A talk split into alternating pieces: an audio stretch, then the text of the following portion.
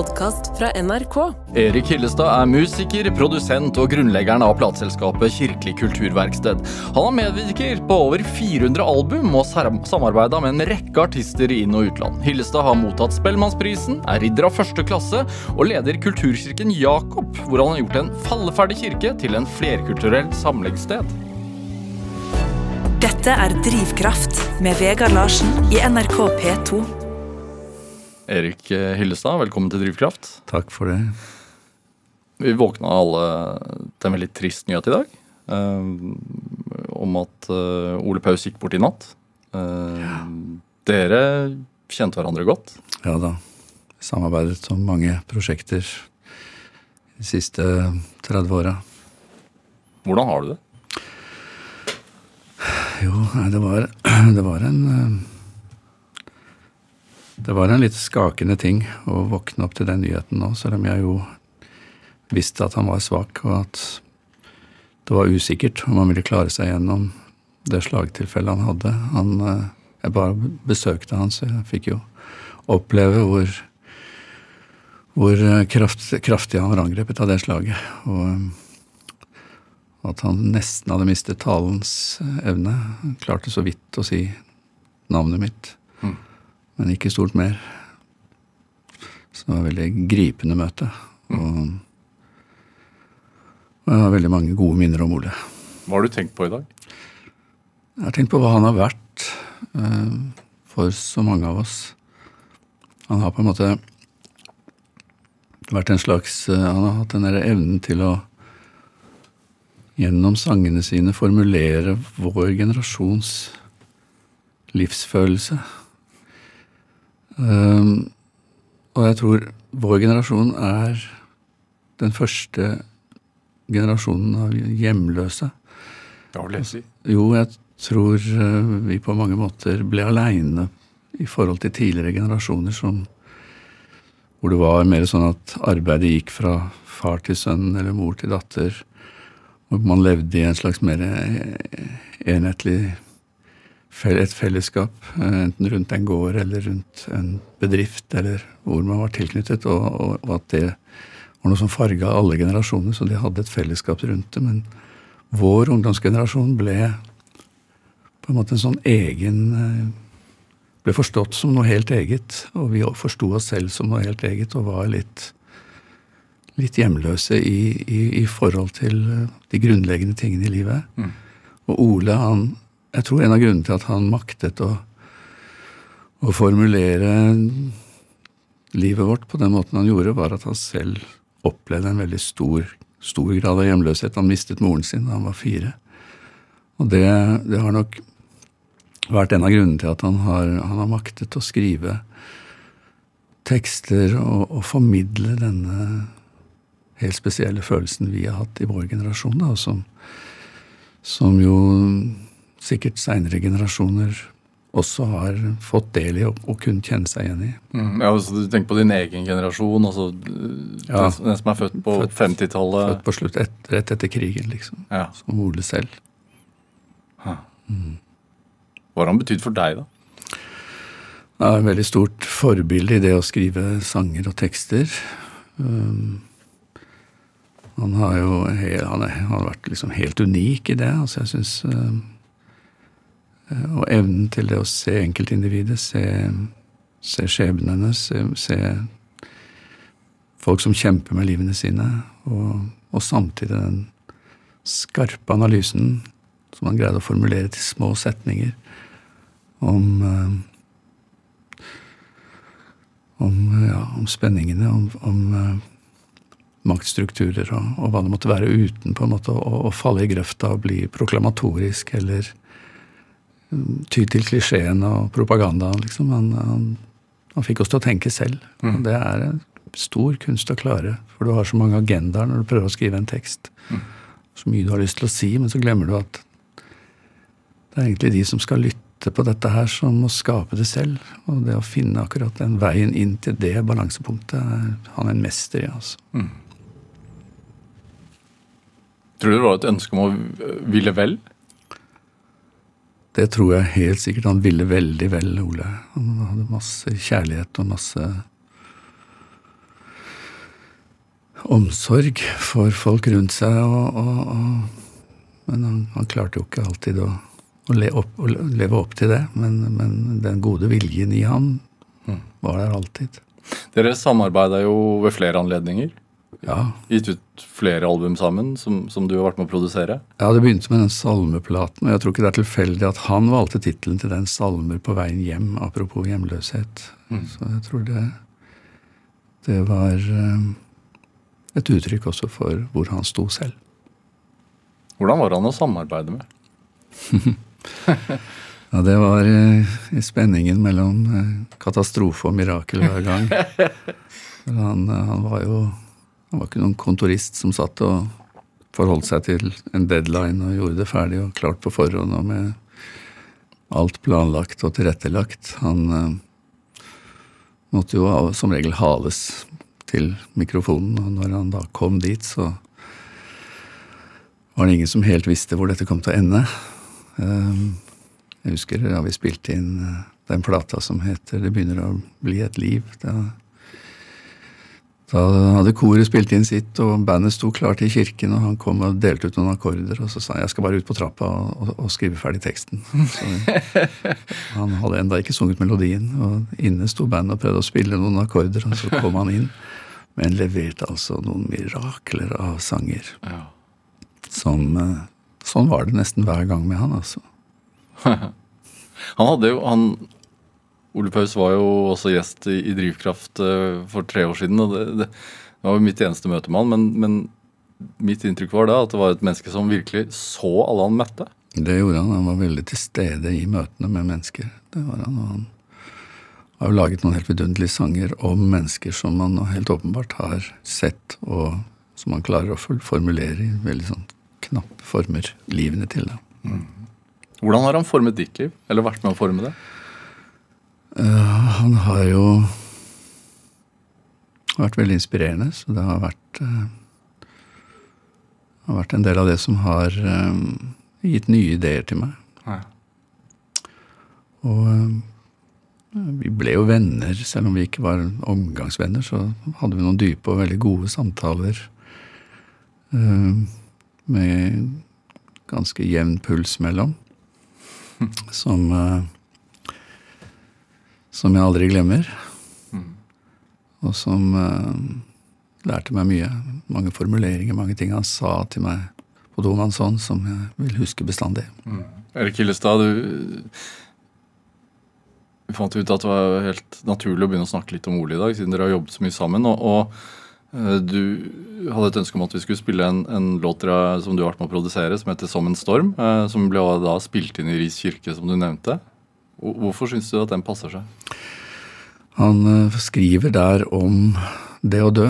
Han skriver om sitt eget liv og om veien til død som han vet at kommer. Og jeg tror eh, i lys av det som har skjedd nå denne morgenen, så er det sterkt å høre denne teksten. Mm. Hvordan begynner den? Oslo Kammerkor er jo også med. Begynner med en salme, for vi, vi hadde en idé om å bruke Brorsons tekster om døden som en eh, slags inngangsportal til Oles egne, egne, refleksjoner om liv og død, og spesielt om døden. Dødens realitet. Og, eh, så det var prosjektideen. Og, og, han eh, tok det på veldig alvor. Og alle tekstene i denne her, på denne platen, handler av både fra Brorsons side og fra Paus sin side om død. Så vi hører først koret, altså Oslo Kammerkor, som synger en Brorsons-sang.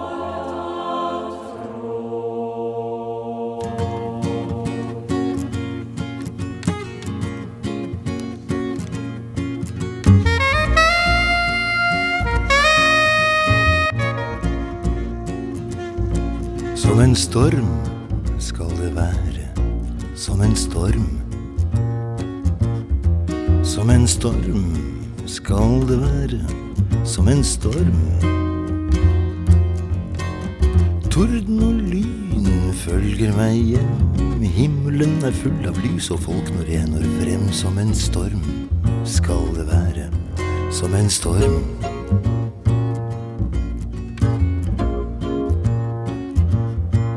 Jeg vet at jeg er ventet, det er noe jeg vet. Jeg vet at jeg er ventet, det er noe jeg vet. De vil hilse meg velkommen, alle de jeg har kjent. Alle de jeg husker, og alle de som jeg har glemt. Jeg vet jeg er ventet, det er noe jeg vet.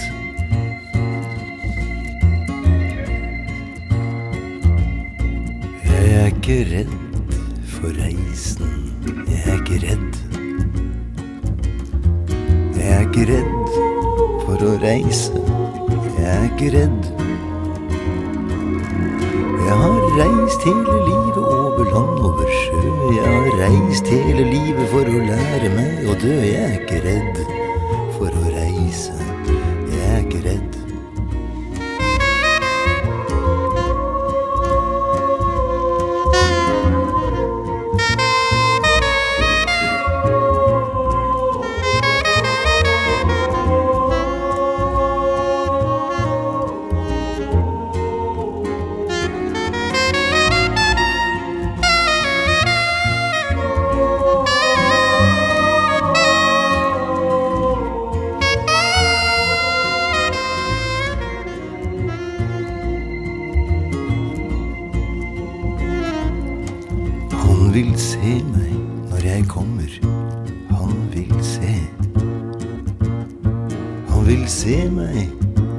kommer.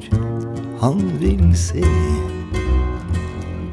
Det hender at folk her nede spør om jeg er frelst, men sånn nå diskuterer ikke jeg med hvem som helst, for han vil se meg når jeg kommer. Han vil se.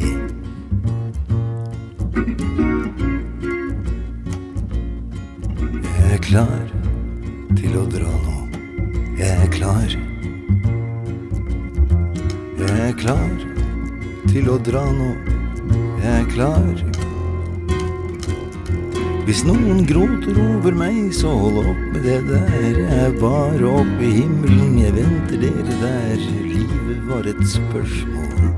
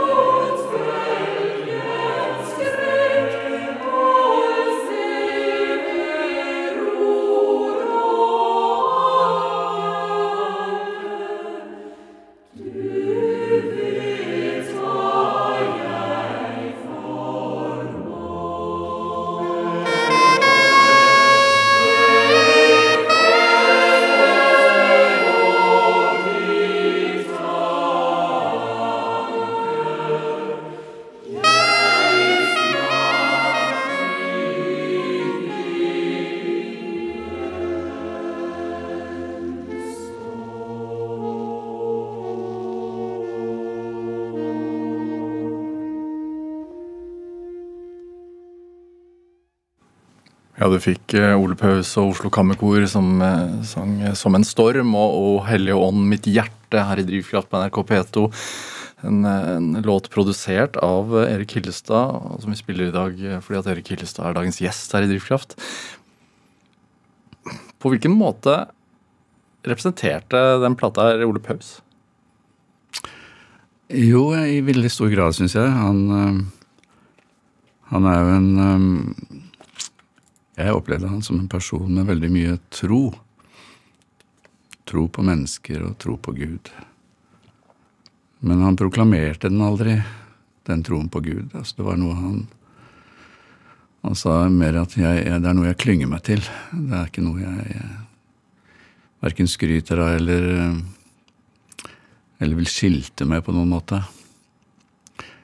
Det, jeg opplevde jo helt fra jeg var ung, da jeg hørte Oles første viser, at de hadde mye av salmetonen i seg i, i mye av innholdet i, både i tekstene hans, i metaforikken hans og sånt. Uh, og, og den, den, poetiske kraften hadde kontakt med det hymniske hele tiden.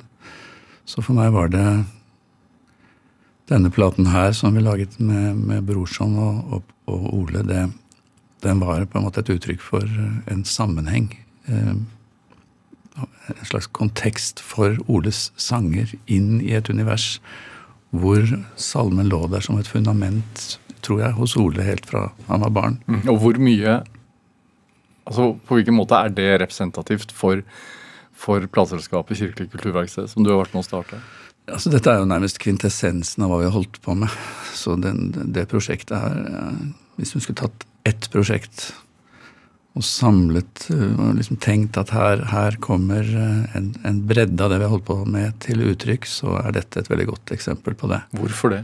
Fordi det, det favner på en måte både en uh, tilknytning til de lange linjene i tilværelsen med, med, med Kirkens bekjennelse og, og, hva den har gjort og utrettet, og på godt og vondt gjennom hundrevis av år i, i, landet vårt, som jo er på en måte et bakteppe for hele vår forståelse av livet. Hva vi nå enn kaller oss, og hvor mye vi enn uh, har, har, kontakt med, med den troen Kirken forkynner, da, så vil vi allikevel stå i kontakt med det. Det er, det er en uh, resonanskasse for oss i livene våre, hva, hva, vi, hva, vi, enn måtte tenke helt sånn personlig og privat. Mm. Og så kommer Oles stemme som et uttrykk for nettopp det personlige og private som, som, uttrykker så godt hva vi alle tenker og føler i vår tid, og kontrasten på en måte ofte mellom det vi går og tenker, og alle de gåtene vi ser rundt oss, og denne mer proklamatoriske gudstroen som Kirken har stått for overalt, og som vi på en måte hele tiden kjemper mot mm. og med. Og det har vi gjort hele tiden i, den, i disse produksjonene vi har gjort i Kirkelig kulturverksted. Er du vokst opp med en sånn uh, proklamatorisk uh, retning? Ja, jeg er jo det. Altså, jeg hadde en bestefar som var uh, salmedikter, veldig opptatt av menneskets synd og fordervelse og frelsen vi hadde i Jesus. Og, Hvordan merket du det? Jo, alle sangene han skrev, som vi sang i familien. og også møtene med han i hans Han var frikirkeforstander på Bislett, på Vestre frikirke på Bislett, Sigvart Engeseth. Og en veldig sånn sterk uh, forkynner, da, som uh, Vi fikk inntrykk av at han ikke tvilte et sekund ikke sant, på noen ting av, av det som sto i Bibelen. Og, mm. og, og så har jeg en far som het Olav Hillestad, som var også salmedikter, og også var veldig klar og kraftfull i sin gudstro. Og, og forkynte og sto på prekestolen hver søndag i min barndom. så det, den proklamatoriske siden av kirken har jeg definitivt eh, hatt som mitt utgangspunkt. Og så, mm. så er det jo alle spørsmålene som vi alle går og bærer på. Som, eh, var det rom for det, da? Å stille de? Ja, det var det. I hvert fall i min nære familie. Min far og min mor, de var veldig åpne for, eh, for de mange spørsmål, eh, og for eh, at livet ikke var lett å sette på noen formel. Ja. Hvor, er det i Oslo vi befinner oss da? Ja, Ullevål Hageby. Ja. Hvilken kirke? Ja, altså Min far var prest i Uranienborg da jeg var sånn i 8-9-10-årsalderen. Uh, og jobbet mye i KFUM, KFUK-sammenheng også. Så men så flytta vi til Bergen eh, da jeg var elleve, og da ble han prest i en drabantbymenighet der borte, som het Slettebakken. Mm. Så det var noen spennende år der. Hvordan er det å vokse opp med en far som er prest på, på 60-tallet? Når du er ja, i tiårsalderen? Mm, Altså, Da jeg bodde i Oslo, var det litt uh, ubehagelig. Jeg ble mobbet litt for det. og Det å være prestesønn var på en måte noe man måtte bære med en eller annen Et ubehags... Blanding av ubehag og, og, og stolthet, liksom. Fordi eh, i, i menighetssammenhengen var han jo kongen, ikke sant. Mens eh, i, i det sekulære miljøet jeg vanket i på skole og med venner og sånn, så, så var det sett litt mer ned på at man tilhørte en prestefamilie. Men i Bergen var det helt annerledes. Der ble, jeg omfavnet av, av folk eh, som sønnen til presten. Liksom. Det var helt annet. Det virka som den litt mer sånn sekulariserte etterkrigstiden ikke helt hadde kommet fram til Bergen på begynnelsen av 60-tallet. Men Hvorfor ble det sett ned på her i Oslo? jeg vet ikke riktig. Det er eh, det, det er vel noe med at altså den rollen til en prest opp gjennom alle århundrene, hvor prestene har vært en del av øvrigheta, har vært eh, representant for kongemakten, den eh, påkaller jo ganske mye opposisjon også, og um, ja, kritikk. eh, og, og med rette. Altså den, den har jo vært utøvd som en maktfaktor med, som ikke helt henger på greip i forhold til det kjernen i det budskapet. Altså det som vi kaller for evangeliet. Det, det er jo et budskap som definitivt har parti for de fattige, for de med mindre ressurser i samfunnet, på alle vis. Og um, og da når, når presteskapet på en måte blir representanten for de rike og for de mektige, så er det en motsetning i det som jo gjør som jo, Det kaller jo på både ja, nidviser, satire, alle mulige ting om prestene. Og dette slo nok ut også i, i det litt sekulære Oslo, men stadig vekk under liksom, paraplyen til statskirken, som det var på den tiden i 50-60-tallet. Fortalte du det hjemme? Til de? Ja da. Det var jo, altså Min far jobbet jo veldig for å forsøke å bygge litt bro mellom denne nye generasjonen av unge og, og denne gamle overleveringen. Han, han var veldig opptatt av ungdom og, og drev ungdomsarbeid veldig aktivt. Hvordan da? Med klubber som skapte gode aktiviteter for unge mennesker i, i, i en kirkelig sammenheng, hvor det var andakt til slutt, og pingpong og bordtennis og, og kurong og, og, og biljard og sånt før, før den andakten. Skape et godt miljø, men med en himmel over seg, var, var på en måte parolen hans. da. Ja. Og, og der var du også delaktig? Ja da. Men så begynte han med disse rytmegudstjenestene. Han, han skjønte det at det, Rytmegudstjenester? Ja, han Hva er skjønte det. Altså, det var jo en litt utenkelig ting i, eh, på 60-tallet, da, han var, da han kom til Slettebakken, drabantbyen i Bergen, og, og, og tenkte at han skulle Fordi han hadde hørt om at de drev med noe tilsvarende i England. Han dro over dit og studerte dette her, fenomenet, og tok med seg da en del sanger og fikk kontakt med noen jazzmusikere i Bergen, og de spilte da til sanger med gitarer og trommer, og det var altså Det er vanskelig for oss i dag å forestille seg hvor stort eh, ramaskrik det ble i kirken da han satte i gang med det. Fortell. Da ble, altså han, han, det var folk, han ble fullstendig utelukket fra mange miljøer fordi de anså dette for å være så provoserende og så feil. Alle følelser strutt, strittet imot i, i, på en måte fra det, den indre kirkelige krets.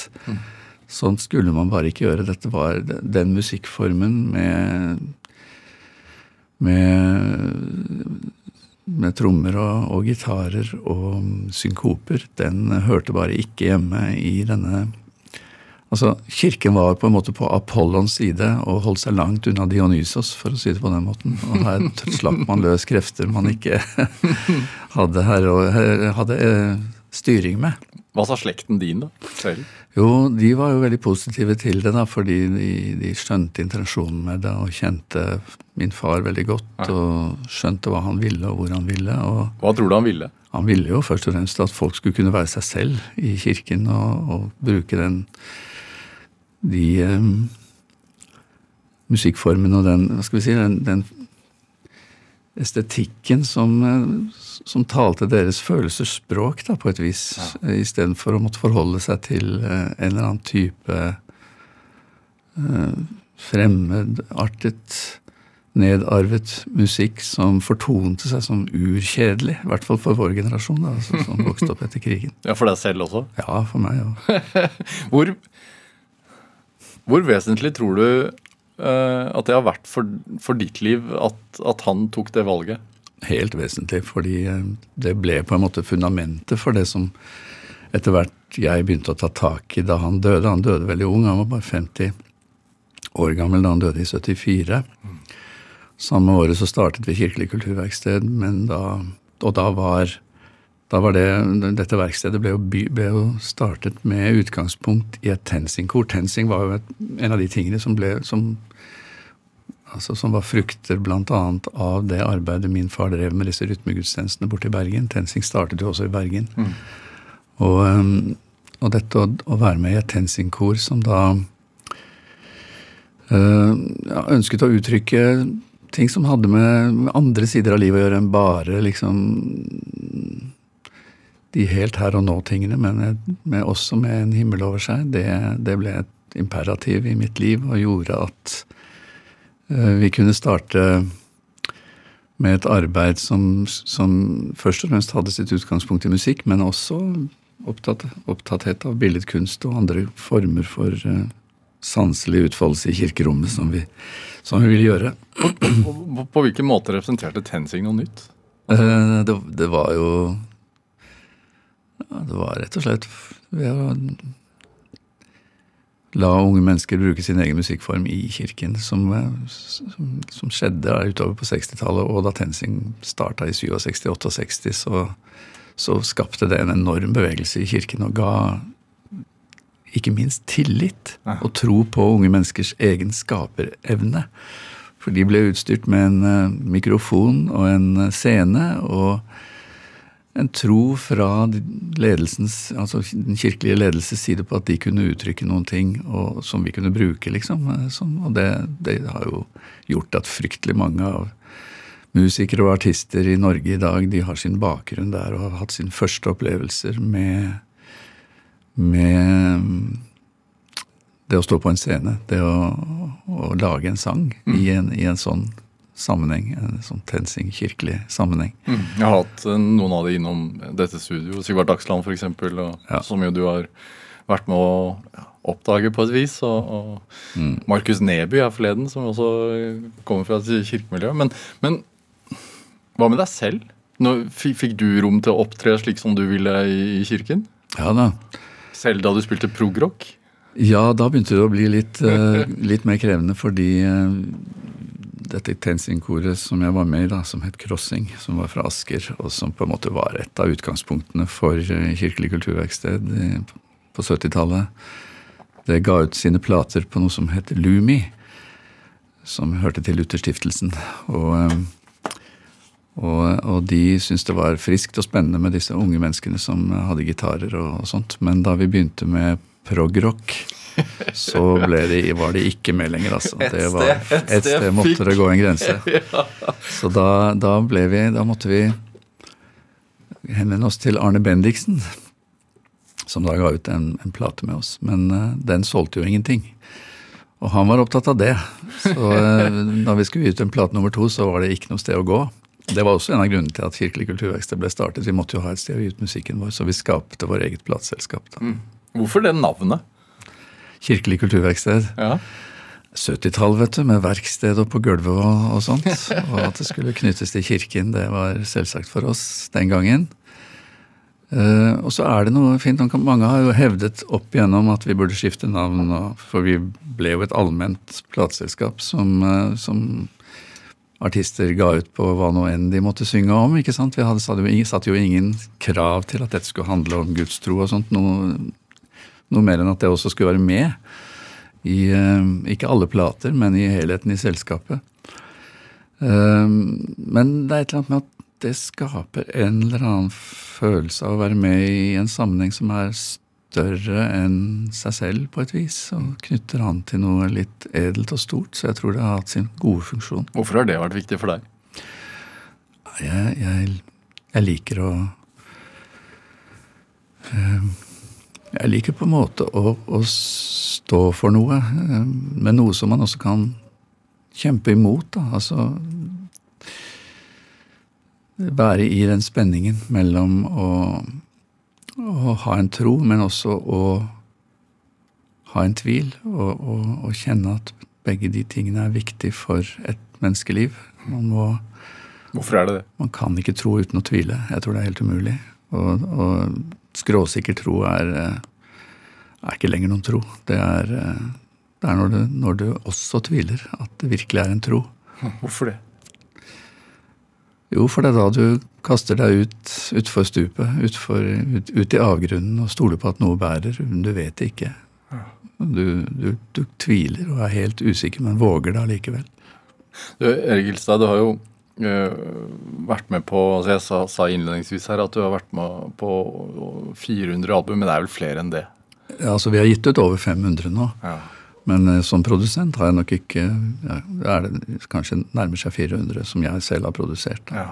Og du, du har jo vært med og skrevet masse tekster også opp igjennom, uh, og, mm. og, og senest nå Um, den skive som heter 'Uprøvde friheter', uh, hvor Maria Moen synger uh, tekstene dine. Uh, og når du sier det at tvil fører til at man skal tør å kaste seg ut, er det litt det den handler om? Ja, altså akkurat den 'Uprøvde friheter'-sangen, som er titel, titel, på denne platen, den, den, ble til fordi um, jeg fikk en veldig veldig vakker melodi av en eh, kar som heter Galip Mamedov, som er fra Aserbajdsjan. Han sendte meg en melodi på, som han spilte selv på piano, og så syntes jeg den var så nydelig. Og akkurat da hadde det, gått en, hadde det skjedd en veldig stor ulykke oppe på Hareid, på fjellet der, hvor noen, to jenter ble drept av lynet en vakker sommerdag hvor ingen skulle tro at det kom til å komme, kunne komme noe uvær i det hele tatt. Men det kom en sky inn fra havet som hadde lyn og torden i seg, og som tok livet av de to unge jentene. Og det er en sånn meningsløs ting. Så jeg funderte akkurat i de dager på hvordan noe sånt kan skje. Og fikk lyst til å fabulere litt rundt det og skrive litt om livets mange paradokser i denne sangen. da.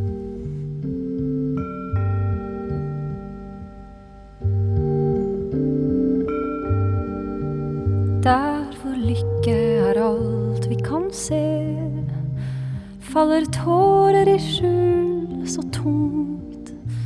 På den vakreste dag kan det skje at et lyn tar et liv sterkt og ungt. Men selv avgrunners dyp rommer fred. I den svarteste natt tennes lys. Katastrofer kan rive oss med dit hvor uprøvde friheter bys. Bak de vennligste smil finnes hat. Mellom kjærlige blikk bedrag. Under gullring av høyest karat kan en demning brått briste en dag. Selv i slagmarkens bølgende her blir en fredstanke næret og drømt. Under knoken som løfter gevær, banker blod fra et hjerte så ømt. Slik er livet Gud ga, hvem forstår, og hvem vet om du lurer så let,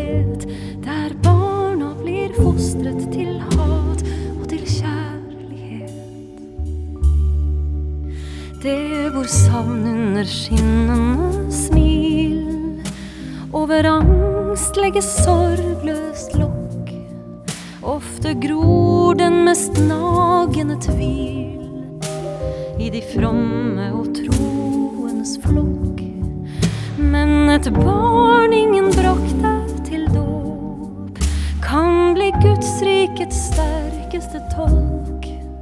Og den ungen som ingen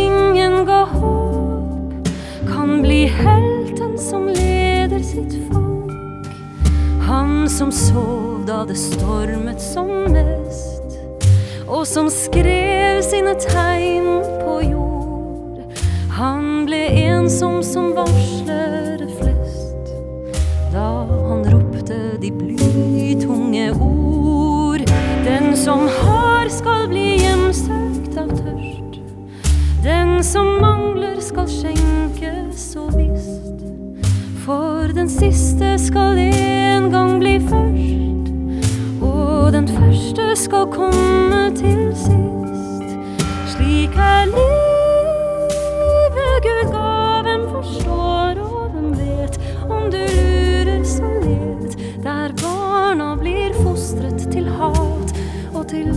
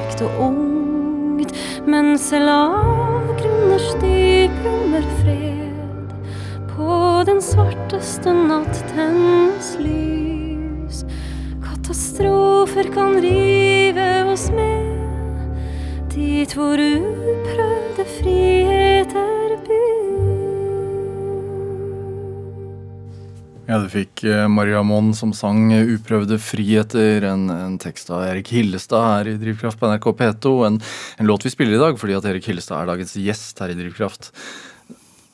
Det, det med tekst, det å skrive tekster, det har du gjort en rekke artister opp igjennom. Hvorfor synger du ikke sjøl? Jeg har ikke noen spesielt god sangstemme. Det hadde ikke Ole Paus heller på slutten.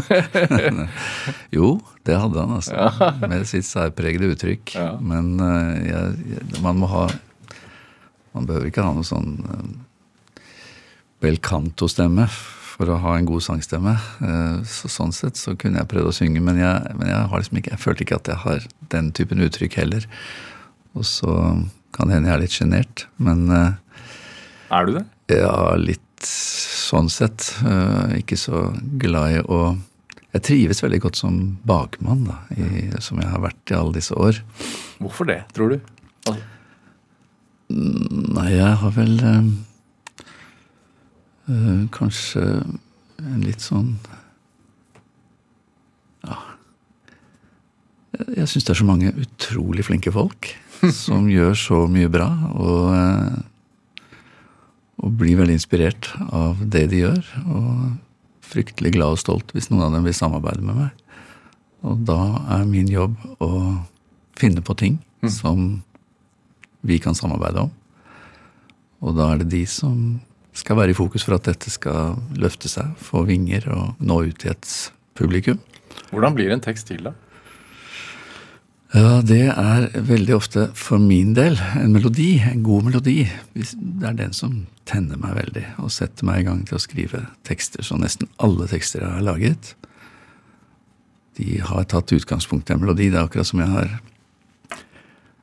fått utlevert en, eh, en eh, marmorblokk, og så inni der er det en skulptur. Inni der er det en, en skikkelse, og den må jeg hogge ut. Melodien rommer den skikkelsen, og så gjelder det å, å hogge vekk de tingene som får den fram. Ja. Så det, det har vært mye av prosessen i det. Det hender jo av og til at jeg har skrevet tekster i løse lufta uten melodi, og overlatt til noen andre å gjøre det. Skri- Skrive, skrive den melodien til en tekst jeg har skrevet, men da noen tenker at man er friere da, men det er ikke sant. fordi straks man har skrevet ett vers da, så må man jo følge opp det. Da er man akkurat like bundet til det første verset man skriver, når man skriver de neste. Ja. Så eh, jeg liker godt at man er i utgangspunktet litt bundet til at det skal klaffe med en sterk melodi. da. Hvilken tekst eh, som du har skrevet har betydd mest for deg, tenker du? Oi, det er et vanskelig spørsmål. For suksessen, da? Nei, altså du vet, Ofte måler man sånne ting på responsen de får, mer enn en hvordan jeg har opplevd det underveis. Og når jeg f.eks. har fått enormt mye respons på sånne tekster som eh, Sangen om gleden, som jeg skrev til Sigvart Dagsland, eller Himmelen i min favn, som jeg skrev til Carola, eller, eller noen av disse salmetekstene jeg har skrevet til Skruk, og Mm. til For vår jord, som jeg skrev for Anita Skorgan. Så, blir, så får jeg liksom en følelse av at de er så viktige. at de betyr mye. Men det, men det er veldig mange tekster jeg har laget som jeg kanskje har et enda sterkere forhold til selv. Uh, ja, jeg skrev en tekst en gang til Inger-Lise Rypdal som heter 'Tolv gamle skrog'. Den, den er jeg veldig glad i. Den har betydd mye for meg. Hva handler den om? handler om tolv mennesker på et pleiehjem som uh, blir trillet ut av, av pleierne ut i hagen for å få et måltid ute i solen. Og så får de vin og brød der ute og har aldri hatt noen gang så lykkelig stund. Og under alt dette, ikke sant, så, så ligger det en masse undertekst, fordi det også handler om et nattværmåltid, og det handler om Getsemane som truer like rundt hjørnet for eh, denne lille flokken på tolv som blir utsatt for eh, soldater som kommer og skal gripe dem. Er det Hvor vesentlig har det å, å, å vært for deg opp igjennom å, å for, forkynne gudsbudskapet? Det var veldig viktig for meg i begynnelsen, fordi jeg hadde en slags sånn eh, en bevissthet om at jeg nærmest hadde et kall. Eh, Men etter hvert så har jo spørsmål og gåter, som jeg jo allerede bar på i utgangspunktet, de har vokst seg større, og jeg tror de, har, de rommer flere sannheter ofte enn disse såkalte svarene som vi kan stå og proklamere. Hva slags spørsmål? Hvor kommer vi egentlig fra? Hvor, hvor skal vi hen? Hva er altså de aller mest dype, enkle egentlig, men veldig, veldig fundamentale, som man egentlig aldri blir ferdig med av spørsmål i livet. Over, Blir de sterkere med årene? ja, det syns jeg. De blir sterkere med årene. Og, og Hvorfor det? det, det er fordi man blir, eh, man blir utsatt for så mye informasjon gjennom livet. Så mange opplevelser som eh, skaker de oppfatningene man en gang hadde om hvordan det egentlig hang sammen. Man tror jo hele tiden man har funnet et eller annet svar, ikke sant? at sånn må det være. Og så skjer det ting som gjør at nei, det, dette her holder jo ikke. Og så blir man, man, jager man da videre etter å prøve å finne svarene. Og så, så spørsmålene vokser hele tiden. Eh, man tror hele tiden at man har noen For å holde seg fast da, i det hele tatt, for ikke å ramle sammen, så må man jo klynge seg til noen svar. Og jeg, jeg klynger meg jo til Fader vår, for eksempel, som rommer veldig mye. Men det er allikevel ikke nok til å, å stanse den uroen man har over, over alle de tingene som, som gjør at det er jo ingenting som går helt opp, Hva, hva er det snakk om da? Lidelse? for eksempel. Ja. Altså hvorfor eh, Vi var inne på dette med det lynet som tok to unge liv. Nå for tiden så foregår det noe som nærmer seg et folkemord, hvor barn drepes i hundretalls og tusentalls i en helt meningsløs krig. Eh, Sånne ting gjør gjør jo at man, man blir jo rystet og skaket over at hvordan kan, hva slags verden er dette, og all, alle de kreftene som går i feil vei for tiden. Det, det rokker ved hele denne følelsen av at menneskeheten er på vei mot noe bedre, som vi kanskje vokste opp med, og som jeg følte kanskje jeg trodde på helt til ja, for ti år siden eller noe sånt. Så de siste årene har det jo gått feil vei med veldig mange ting i, i verden. Men samtidig er det jo et, liv her som vi kan glede oss over. Så det er, jo en spenning mellom de triumfene man opplever i hverdagen, de, de små og store gledene som vi jo feirer, og, og disse veldige katastrofene vi er omgitt av. Og med tanke på de vennene jeg har i, i Palestina f.eks., eller i Iran, som er to land som er veldig aktuelle i nyhetene for tiden. så og de marerittene de har opplevd. ikke sant? Men hvordan de allikevel klarer å feire livet. Stå midt i det. Er så til de grader satt på spissen. Et, et liv som er så truet. Som f.eks. et eh, palestinsk liv i Øst-Jerusalem eller på Vestbredden. Men som allikevel makter å feire livet og ha de mest utagerende festene jeg har vært med på. Det er, eh, er et sterkt bilde på, på livet i, i allmennhet, og hvordan det bare øker mengden spørsmål. Det med håp og, og og kjærlighet og, og menneskeverd. Altså har det Jeg tenker på Kirkelig kulturverksted, altså plateselskapet, som, som jo lager musikk, da, men også Kulturkirken Jakob, som du har vært med å uh, gjøre om til en, et samlingspunkt uh, for alle, egentlig. Ah, Hvorfor har det vært så viktig for deg å gjøre det? Altså, har det- vært selve drivkraften? Ja, altså det som jo er kanskje min sterkeste drivkraft Det er så mange drivkrefter, egentlig. Det kan av og til være sinne, og det kan være eventyrlyst, og det kan være så mangt. Men akkurat det å Store kunstopplevelser, store opplevelser av noe nytt som blir skapt her og nå. Enten det er i en innspilling hvor noe helt uventet plutselig liksom dukker opp som en sånn frydefull eh, et mirakel. Eller på en konsertscene. Det, er jo, det har jo gjort at jeg har elsket å jobbe med både disse innspillingene og med konserter og, og forestillinger av forskjellige slag. I, og, og billedkunstutstillinger også i, på en scene. Det, er, det, er, det gir mye krefter. Altså, det er fryktelig mye strev. Ja, det vil jeg tro. Det er, og det har ikke alltid vært like lett. Nei, eh, jeg husker Gudmund Hernes som var styremedlem i Aschehoug. Aschehoug eide Kirkelig kulturverksted i 17 år, annet da vi starta den kulturkirken. Han sa det at eh, ja, det er ofte lurt å skape seg en kreativ motbakke. Og han skjønte hva dette kom til å innebære, og det har det gjort. altså det er, De daglige utfordringene er jo voldsomme, men de, de øyeblikkene da, som, hvor det virkelig løsner noen eh, ja, noen, noen ja, nyskapte vesener, på en måte, som flyr av gårde som engler og blir, blir til noen under i hvert enkelt hjerte rundt omkring. Det, det er verdt det. Altså. Da skjønner man hvorfor man holder på med dette. Hva har vært motbakkene, da? Nei, alt fra økonomien, kanskje aller mest, men eh, et gammelt hus som knirker og skaker, og som har setningsskader, og som eh, må holdes ved like, og varmeanlegg som ryker, eller trivielle ting.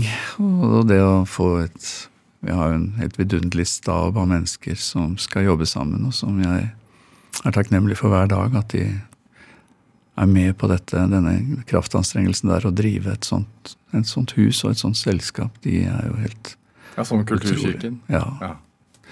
Det er flott å være sammen med og jobbe med, men, de, og de, og, men det å liksom få denne staben til å fungere godt sammen i det daglige livet, er jo for oss alle som er i den, en utfordring. Og kan være en motbakke iblant, men det, det blir bra resultat. Hvorfor har det vært viktig for deg å skape det? Altså Gjøre kirkerommet, altså den gamle kirken eh, nede i sentrum, her til, til en sånn, sånn samlingssted? Hvor, hvor det har vært altså, alt fra filmpremierer til, til salmekonserter til nesten rave. Da. Selger øl, gjør de jo. Ja da, vi har bar i kirken. Ja. For meg så er jo kirken et hjem og ikke et fyrtårn. Eh, Jeg prøver å tenke på det som eh, noe som favner oss alle, favner hele menneskelivet. Og at derfor alt menneskelig hører hjemme der og, og, og må lov å utfolde seg. Og, og kan aldri Altså, Kirken taper ingenting. Lar seg ikke true av eh, at det skjer ting som også kanskje står i motstrid også iblant til det som forkynnes fra prekestolen eller eh, fra ordet som står i Bibelen, men, men nettopp fordi det, det, er uttrykk for et sant menneskelig perspektiv, og vi alle er skapt i Guds bilde, så hører det hjemme i dette rommet. Og må få lov å utfolde seg på sine egne premisser i frihet. Hvor viktig at det å trøste vært for deg? ja, bare fordi jeg trenger trøst selv. Og hvis jeg skriver en tekst en gang iblant som eh, kan trøste meg, så er det et håp om at den kan trøste noen andre. På hvilken måte trenger du selv trøst? Nei, det er jo Det er jo dette at vi er Vi lever i, i spenningen mellom uh, livskrefter og dødskrefter. Mm. Og uh, kjenner dødskreftene godt. Og det mørke som er i oss. For det er det. I oss alle. Og um, enten vi, vi, lever i et relativt Altså, jeg lever jo et veldig godt liv og har eh, materielt sett ingenting å, å klage over. Um, men jeg har mange venner i land som um, har det veldig vondt. Og som har masse også materielt å slite med. Mm. Og, ehm, og, det å leve i denne spenningen, dette ansvaret det også er, som man ikke klarer å håndtere ordentlig. Altså jeg, jeg, det er så mye vi burde ha gjort. Vår største synd er jo unnlatelsessyndene, alt vi ikke gjør. Og det at vi kommer sånn til kort, er krevende, og det trenger trøst. Mm. Et, et, av prosjektene eh, som du har vært med på, er jo en, en, eh, en plate som heter 'Axis of Evil'. Uh, 'Lullabies from the Axis of Evil'. Ja. Um, som, jo, som kom jo ut ifra uh, det George Bush sa etter 11.9., mm. uh, da han kalte deler av verden 'The Axis of Evil'. Mm. Um, det provoserte deg? Ja, det kan du godt si at drivkraften i det prosjektet var sinne. Ja. Fordi jeg ble veldig opprørt over at en vestlig leder som på en måte Hvordan vi enn snur eller vender på det, så, så, er den amerikanske presidenten på et vis et, liksom på en måte det fremste talerøret for den vestlige verden. Og at, at, den posisjonen der ble misbrukt på den måten til å hevde dette om noen land, det provoserte meg voldsomt. Så jeg dro jo til de landene for å spille inn musikk. Det var en sånn førsteinnskytelse. Mm. Den sinne, den lille gloen av sinne som jeg hadde inni meg. Og øh, fant ut etter hvert at det som var det, det, beste å spille inn da, var voggesanger. Som på en måte et uttrykk for medmenneskelighet, kjærlighet. Det ypperste uttrykket for det. At vi alle egentlig innerst inne er opptatt av å ta vare på barna våre. Ja. ja. Og, um, og, at vi alle trenger trøst. Og enten vi, altså på, en, på, et nivå er vi barn alle sammen som trenger trøst. Mm. Og så dro jeg til uh, Begynte i Palestina. Uh, og dro videre til Iran og Irak og Afghanistan og Syria. Mm. En venn av meg. Så du bare ondskap? Nei, jeg så absolutt ikke Tvert imot. ikke sant? Det er jo så mye godhet. Det er så mye kjærlighet i Jeg tror kjærlighet er ganske jevnt fordelt over denne planeten. Og um, jeg møtte noen enormt sterke stemmer som, uh, som jeg seinere har samarbeidet masse med. Både Både særlig i Palestina og Iran. Med Masa Wadat eh, og Marjan Wadat, to søstre som jeg møtte i Iran. som Vi har gitt ut masse plater sammen. Hvorfor har det vært så viktig for deg? Jeg skulle gjerne spilt eh, en av de låtene nå, men det har vi ikke tid til. Eh, Hilsa. En time går altfor alt for fort. Men hvorfor har det vært viktig for deg å samarbeide med, med, med folk utenfor landegrensene? Ja, fordi vi er, altså verden blir jo mer og mer én. Altså vi, vi, det, det, globale slår mer og mer inn i, i hvert menneskeliv hvor vi enn bor, så, så, har det innflytelse over livene våre. Mm. Og um, så må vi, må vi må liksom huske på at vi, vi, vi bor i et land som er utrolig privilegert. Og eh, hva bruker vi det, denne situasjonen til i en verden hvor det er så mange som er det motsatte? Mm. Eh, Der har jo Norge en lang historie hvor, av både suksess og nederlag bak seg. Erik Hilstad, du går av nå til året. Jeg går av eh, om et, om et års tid, ja. Ja, det er etter 50 år. Mm. Hva er du stolt av som står igjen? Jeg tror nok at eh, det at vi klarte å etablere den eh, kulturkirken, er noe av det sterkeste, og at vi har gjort noe med folks tilhørighet til kirken. Erik Hilstad, tusen tusen takk for at du kom til Drivkraft. Skulle gjerne pratet en time til, jeg. For folk vil gå og høre på disse fantastiske vuggesangene selv. Hør eh, flere samtaler i Drivkraft på nrk.no eller i appen NRK Radio. Send oss ris eller ros og også tips til mennesker som du mener har drivkraft. Send en e-posten til drivkraft krøllalfa nrk.no. Vi hører veldig gjerne fra deg. Produsent i dag det var Kjartan Aarsand, mens Olav Tessem Widsvang bidro med research til eh, denne sendingen. Men dette, dette var Drivkraft. Jeg heter Vega Larsen. Vi høres. Du har hørt en podkast fra NRK. Hør alle episodene kun i appen NRK Radio. Hallo, hallo, du, før du går videre med livet ditt, ut av denne podkasten din igjen, igjen. Eller før du tar av deg headsetet, Ja. eller uh, velger noe annet eventuelt. Dette er jo Livet, jeg heter Ronny, og vi har lyst til å invitere deg på juleselskap hver dag i desember i vår podkast som heter Julestemning! Jeg må si, det er en avtale Ja. det er vanskelig å si nei til. For du og jeg, vi møtes hver dag for å prøve å finne julestemning. Ikke bare vi, men sammen skal vi finne julestemning. Og vi, vi kan ikke garantere at den kommer og blir, men at du får sånne små blaff av julekos og julestemning her hos oss. Det, det har vi prøvd i to år nå, vi er på Ja. tredje året. Ja. Det, det funker, altså. Så hvis du vil, så er nå vi, vi bare ligger borti den NRK radioappen tilgjengelig hver dag fra 1. til 24. desember. Bli med hvis du har lyst. Inn i julekottet sammen med oss. Det blir ikke ujulete, i hvert fall. Julestemning med Live og Ronny. Hør alle episodene kun i appen NRK Radio.